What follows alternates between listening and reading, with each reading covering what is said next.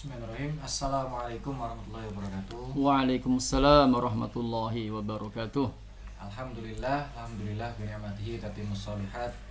Wassalatu wassalamu ala sayyidis sadat nabiyina Muhammad sallallahu alaihi wasallam wa ala alihi wa sahbihi wa man tabi'ahum bi ihsanin ila yaumil ma'ad.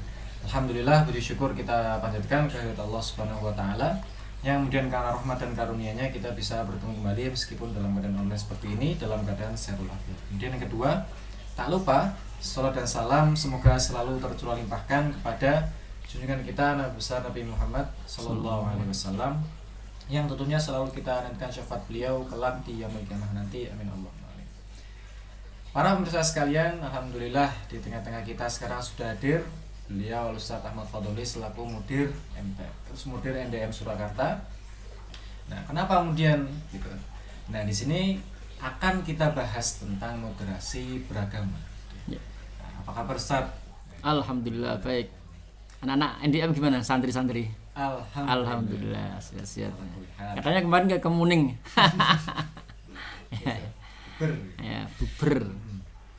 nah jadi kembali ke kemudian topik kita di awal nih Ustaz Ya. ini kan tentang moderasi beragama Hmm. moderasi beragama dan kaitannya kita dengan kita sebagai seorang muslim yang kemudian beri, berideologi Islam maka kemudian menjadi Islam moderat gitu, Ustaz. ini dalam koridor moderasi beragama nah dari kemudian Ustaz Fadli sendiri menurut pandangan jenengan ini Islam moderat itu adalah Islam yang seperti apa dan gimana sih awalnya kok ada bisa Islam moderat itu seperti apa Ya memang ini sedang gencar ya oh, dipasarkan, dipromosikan mengenai Islam moderat. Eh, tapi sebenarnya kalau kita mencermati lebih jauh, itu sebenarnya dia didiktikan oleh pihak luar.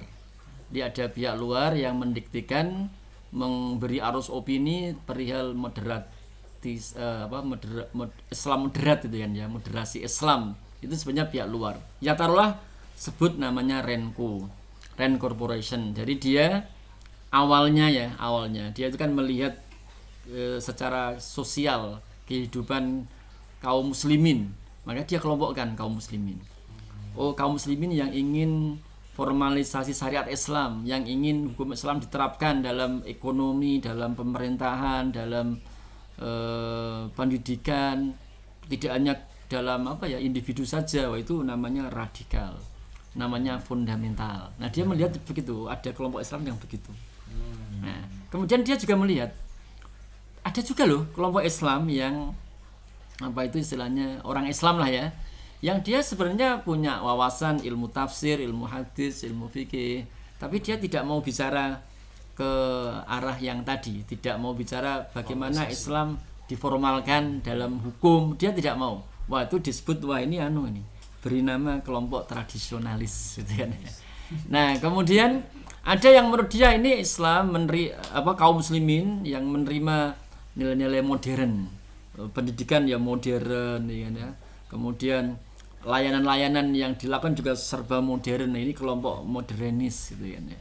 Nah, kemudian ada yang nah ini ada orang Islam ya yang itu nggak masalah kalau misalkan dia solawatan di gereja nanti sebaliknya al-fatihah di eh, lafalkan oleh pihak gereja dengan irama seriosa gitu ya dan dia memfasilitasi wah ini namanya kelompok moderat ini gitu kan. Nah ada juga yang lebih ngawur lagi itu eh, liberal ya. Tapi eranya sudah eh, sudah berlalu kelompok liberal ini. Nah dia mengamati secara sosial itu begitu. Seperti itu. Nah kemudian masalahnya adalah dia kemudian pengamatan secara sosial tadi ingin diterapkan yo Islam yo harusnya begitu. Nah cuman ada pihak yang digendaki oleh mereka tapi ada pihak yang tidak digendaki. Yang digendaki itu yang ini yang moderat itu. Nah karena itu adalah kaum muslimin ya yang digendaki oleh mereka maka mereka menginginkan pemahaman Islam pun harus yang seperti itu Ah, maka kemudian Islam itu harus moderat. Menurut kacamata dia. Berarti apa? Eh kalau ente orang Islam ente jangan setelah memikirkan kok eh, ekonomi Islam diterapkan dalam negara kok politik Islam itu wujudnya bagaimana nggak usah dipikirkan itu. Eh, itu itu adalah domainnya orang radikal. Kan gitu kan ya? Eh wong Islam kok ada orang Natalan tidak mau ngucapin Natal itu namanya fanatik. Kalau tidak mau ah, ente masuknya radikal. Nah dia hanya membuat kriteria-kriteria yang eh, mereka kehendaki sendiri. Sehingga dengan kriteria itu dia nanti mengkelompokkan Islam itu yang seperti yang kriteria dia. Nah Islam yang seperti kriteria dia itulah Islam yang apa itu disebut moderat nah oleh mereka ibaratnya kalau di zaman dulu kan ya eh, ada orang-orang kafir mengatakan pada eh, halayak rame wa qala alladziina kafaru la tasma'u li hadzal qur'an wal fihi. Eh, wa qala alladziina kafaru berkatalah orang-orang kafir jangan kalian dengarkan Quran ini ini ignore saja abaikan sa- saja. Eh, dia kemudian seakan-akan seperti itu. Ini seperti orang kafir zaman dulu ya. Eh, Islam yang seperti ini ini jangan nah tapi kalau yang seperti ini seperti ini itu bolehlah nggak apa-apa gitu kan ya. Misalnya tentang kajian akhlak eh, kajian tasawuf ya mensucikan hati mensucikan eh, apa ya eh, tazkiyatun nafas gitu kan ya. Kemudian perilaku yang luhur budi pekerti yang luhur itu nggak apa-apa. Tapi kalau sudah menyangkut masalah Islam dalam politik wah itu jangan ini. Ini jangan. Kalau sudah ada pembahasan formalisasi dalam syariat Islam itu ini jangan. Bukan itu Islam itu. Kalau begitu tuh berarti ente adalah radikal. Ente adalah fundamental. Tapi yang ini saja yang akhlak saja yang perilaku eh, petasawuf saja yang sufi saja yang lain jangan. Nah itu kira-kira begitu. Itu awalnya begitu. Jadi awalnya itu kajian terhadap apa eh, sosial kemudian menginginkan Islam ya memang seperti yang diingin oleh mereka. Nah kok ini direkomendasikan? Direkomendasikan dan itu ya saat ini dan yang akan datang itu harus menjadi arus utama. Nah, arus utamanya artinya gini, eh, Islam itu harus moderat, nah, yang lain tidak boleh. Yang lain itu maksudnya yang yang disebut oleh mereka, sebutan mereka loh ya, bukan hakikatnya ya. Yang radikal, fundamentalis itu tidak boleh. Nah, tentunya ini ada kerancuan. Kerancuannya adalah Islam itu kan tidak bisa dinilai dengan eh, label apa itu ini radikal, ini moderat tidak bisa. Islam adalah bagaimana kita buah dan sunnah Rasulnya itu menunjukkan kepada kita. Nah itu mungkin yang pertama itu ya. Nah ini berarti dari sini kita bisa mengerti bahwa memang moderasi beragama atau kita sebut tadi Islam moderat memang berasal dari luar semakin ke sini menjadi ka- apa dari awalnya kajian sosial semakin ke sini malah mereka menginginkan agama disetir menjadi ke arah situ. Iya seperti itu. Kalau misalnya kemudian kita berbicara tentang Islam tentu kaitannya sangat erat dengan ulama dan santri ini. Ustaz. Ya. Nah santri ini sebagai seorang Ulama santri pondok pesantren. Ulama, Nah, pesantren. nah, Santri kan dulu bawa pesantren ya. dan memang akhir-akhir ini kemudian ada wacana-wacana bagaimana pondok pesantren itu memang diarahkan ke arah Islam modern agar Hmm. apa agar tidak misalnya ya tadi agar tidak radikal agar tidak ekstremis nah Hmm. itu kalau menurut jenengan itu gimana Ustaz? Jadi pondok pesantren diarahkan harus Islam moderat Islam Hmm. padahal mereka juga belajar apa Iya.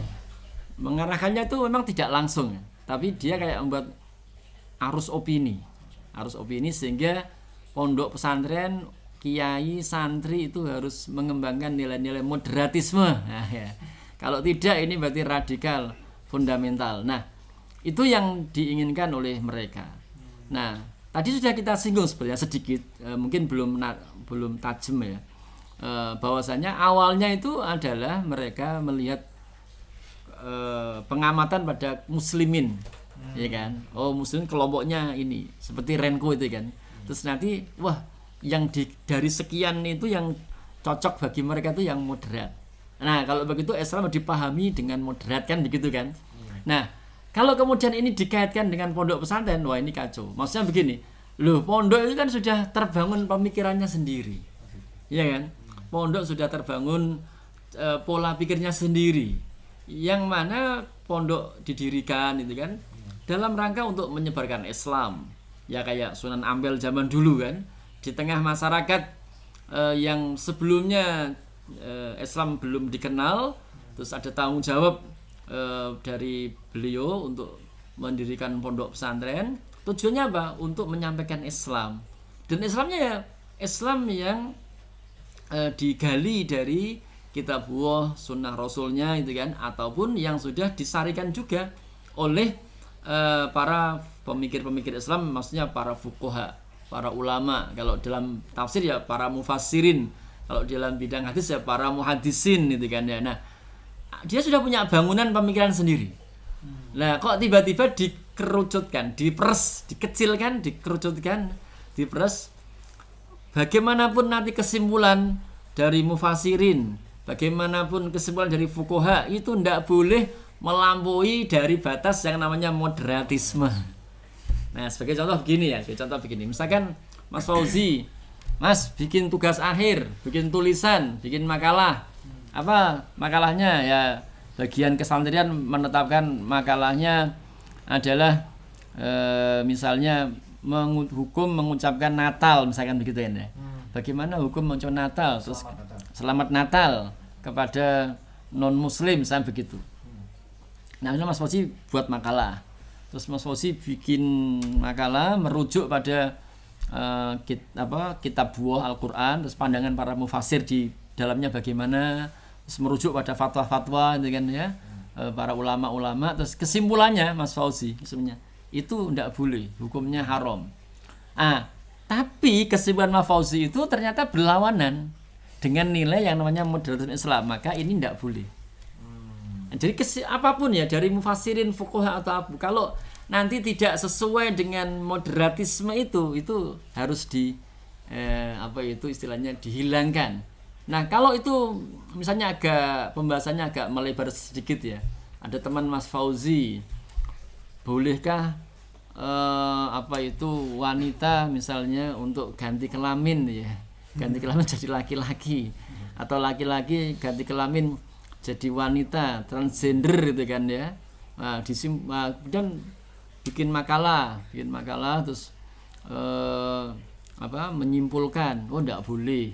Nah terus oh tidak boleh begitu. Ini berlawan dengan hak asasi manusia orang itu hak- berhak atas dirinya sendiri termasuk berhak atas kelaminnya sendiri. Mau dioperasi jadi lanang jadi wedok wedok jadi laki-laki nggak bul- itu boleh-boleh saja. Jadi kesimpulan anda itu berlawanan itu dengan ham. Apalagi kalau yang hanya sekedar boleh ndak apa itu misalnya ada temannya Mas Fauzi yang lain yang bikin makalah misalnya untuk tugas akhir. Bagaimana hukum misalnya irung pesek dimbangirno lambin dumli dilincipno sebagai artis itu ya.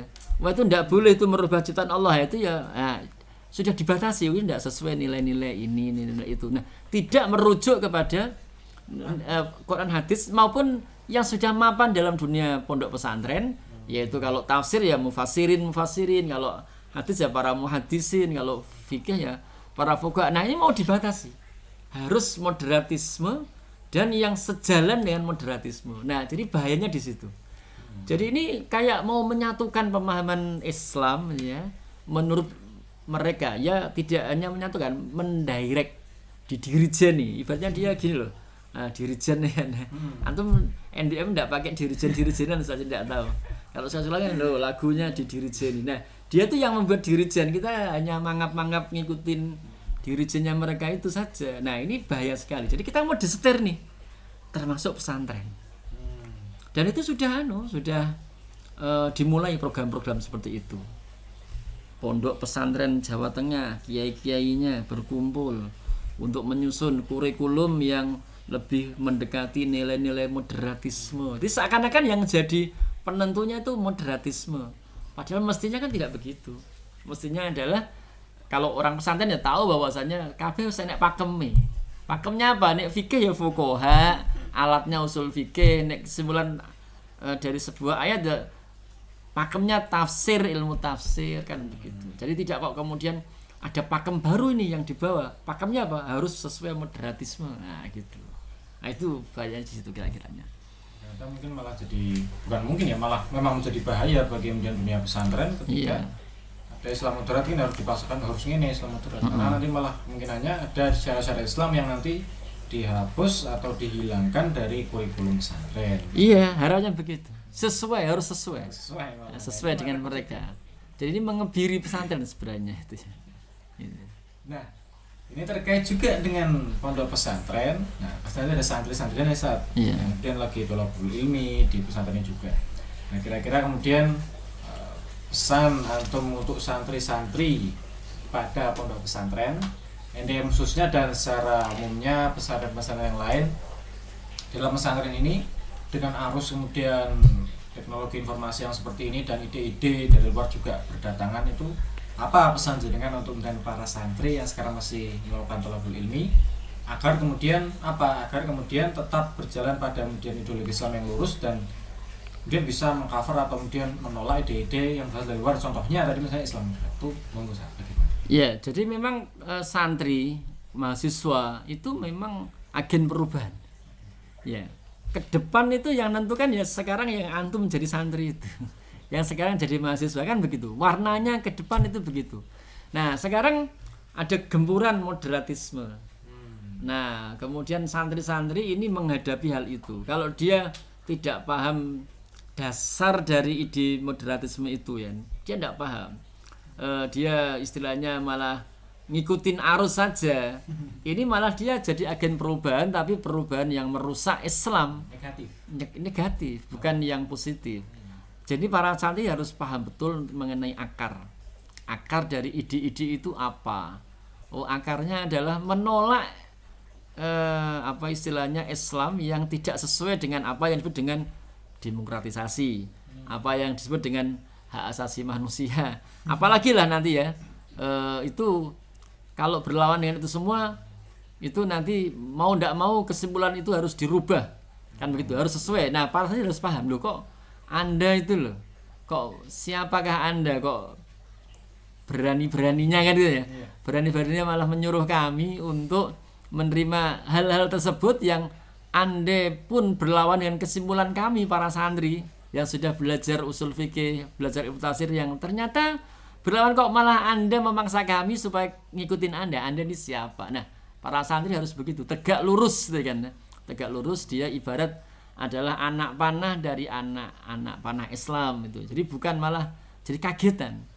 Eh, memang kalau saya bicara eh apa melihat beberapa ini itu memang ada yang ya, kaget menghadapi arus itu kaget ya. Eh, dia istilahnya eh, dibanting-banting lah ya pemikirannya itu. Eh kok malah dia memasarkan sesuatu yang tidak berasal dari apa yang dikajinya sebagai seorang santri. Ya, namanya santri genit gitu ya. Genit. Ya ingin diterima di kalangan-kalangan seperti itu ya, dia hanya ibaratnya hanya mencari pembenaran-pembenaran. Eh, nge- ngekor saja. Jadi kalau mau ditelusuri lebih lanjut ya pembenaran-pembenaran model begitu itu kan ya itu mesti sohibul kalimahnya itu orientalis. Dia hanya ngikutin saja. Nah para santri itu ya tidak begitu. Para santri adalah anak panah dari anak-anak panah Islam. Mestinya begitu. Gitu.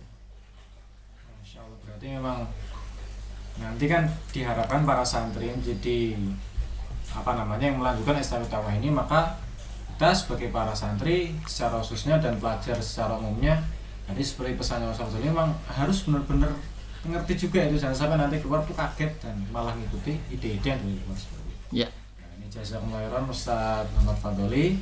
Kita jadi cerahkan kan bagaimana kita bisa mengerti nanti uh, Islam moderat secara khusus atau kemudian secara umumnya moderasi beragama itu dari mana kemudian dan itu apa yang menjadi sasar malah di pengelompokan seperti ini malah pada ujung-ujungnya adu domba. Maka kita sebagai kaum santri dan juga secara khususnya dan dunia pesantren memang harus ngerti juga mana mana mana yang benar dan agar bisa mengcover itu semua. Ya Saya Zak Noiron, Ustaz Fadli. Mungkin cukup sekian para pemirsa yang bisa kita bincangkan pada kesempatan hari ini. Kalau misalnya ada kesempatan lebih lanjut, insya Allah kita bertemu di pertemuan selanjutnya. Kita akhiri podcast kita pada kesempatan hari ini dengan doa kafar majelis. Subhanakallah wa bihamdika asyhadu an la ilaha illa anta astaghfiruka wa atubu ilaik. Bilahi taufiq hidayah wa ridhol inayah. Salah dan kurangnya datang dari saya. Panjang umur Raja dakwah Islam. Wassalamualaikum warahmatullahi wabarakatuh. Waalaikumsalam warahmatullahi Bagus tapi tenaganya sentek. Wis lemes. Enggak ada powerful awal. Iya.